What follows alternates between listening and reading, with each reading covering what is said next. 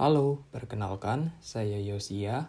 Kali ini saya akan menjelaskan sekilas tentang PKSI, penetapan klasifikasi sebelum impor. PKSI diatur di dalam pasal 17A Undang-Undang Nomor 17 Tahun 2006 tentang Kepabeanan dan PMK nomor 194 tahun 2016 tentang tata cara pengajuan dan penetapan klasifikasi barang impor sebelum penyerahan pemberitahuan pabean. Lalu, apa PKSI itu? PKSI adalah penetapan klasifikasi barang impor sebelum penyerahan pemberitahuan pabean sebagai dasar penghitungan bea masuk.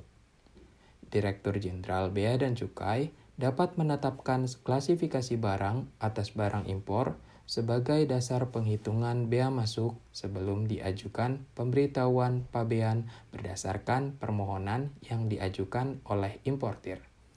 Lalu, apa saja yang harus diperhatikan importir dalam mengajukan permohonan PKSI?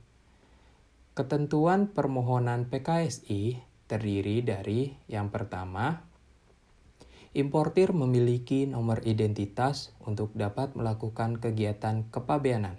Kedua, importir tidak sedang mengajukan pemberitahuan pabean impor atas barang yang diajukan penetapan klasifikasi. Dan yang ketiga, atas barang yang diajukan penetapan klasifikasi tidak sedang dalam proses keberatan dan atau banding di pengadilan pajak sesuai peraturan perundang-undangan. Lalu, permohonan tersebut dilampiri dengan data teknis untuk keperluan identifikasi barang berupa merek dagang, gambar atau brosur, katalog, product specification, meal certificate, alur proses produksi, material safety data sheet, certificate of analysis, hasil pengujian dari laboratorium bea dan cukai atau laboratorium lainnya, dan atau dokumen lainnya yang dapat memberikan informasi sebagai bahan pertimbangan dalam menetapkan klasifikasi barang. Atas permohonan yang diajukan tersebut, pejabat bea dan cukai melakukan penelitian terhadap permohonan dan data teknis yang telah diajukan. Dalam hal diperlukan, pejabat bea dan cukai dapat menyampaikan permintaan data tambahan, dan importir harus menyerahkan data tambahan paling lama 14 hari kerja terhitung setelah tanggal surat permintaan data tambahan. Lalu, atas permohonan tersebut, Direktur atas nama Direktur Jenderal menerbitkan surat keputusan Direktur Jenderal mengenai PKSI atau surat penolakan dalam jangka waktu paling lama 30 hari kerja. Dalam hal permohonan diterima, Direktur atas nama Direktur Jenderal menerbitkan keputusan Direktur Jenderal mengenai PKSI. Dalam hal permohonan ditolak, Direktur atas nama Direktur Jenderal menyampaikan surat pemberitahuan penolakan dengan menyebutkan alasan penolakan. Lalu, keputusan Direktur Jenderal mengenai PKSI berlaku selama tiga tahun terhitung sejak tanggal ditetapkan dan sepanjang barang yang diimpor mempunyai identifikasi yang sesuai dengan identifikasi barang yang tercantum dalam PKSI.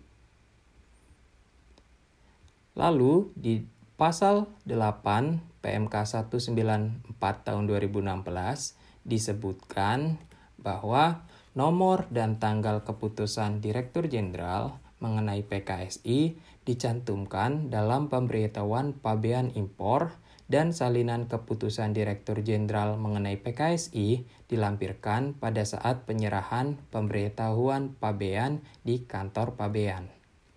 Lalu, pejabat bea dan cukai yang memiliki kewenangan dalam penetapan klasifikasi harus menetapkan klasifikasi barang sesuai dengan keputusan Dirjen mengenai PKSI dalam hal berdasarkan hasil identifikasi barang yang diimpor sama dengan yang tercantum dalam keputusan Dirjen mengenai PKSI dimaksud. Lalu, ada hal-hal yang menyebabkan keputusan Direktur Jenderal mengenai PKSI tidak berlaku, yaitu yang pertama, terdapat perubahan ketentuan mengenai klasifikasi barang dalam Peraturan Menteri Keuangan yang mengatur mengenai klasifikasi barang identifikasi barang yang diimpor berbeda dengan yang tercantum dalam keputusan Direktur Jenderal mengenai PKSI, lalu terhadap keputusan Direktur Jenderal mengenai PKSI diganti atau dibatalkan, atau digunakan oleh importir yang di, bukan merupakan importir yang mengajukan permohonan PKSI yang diterbitkan. Sekian, terima kasih.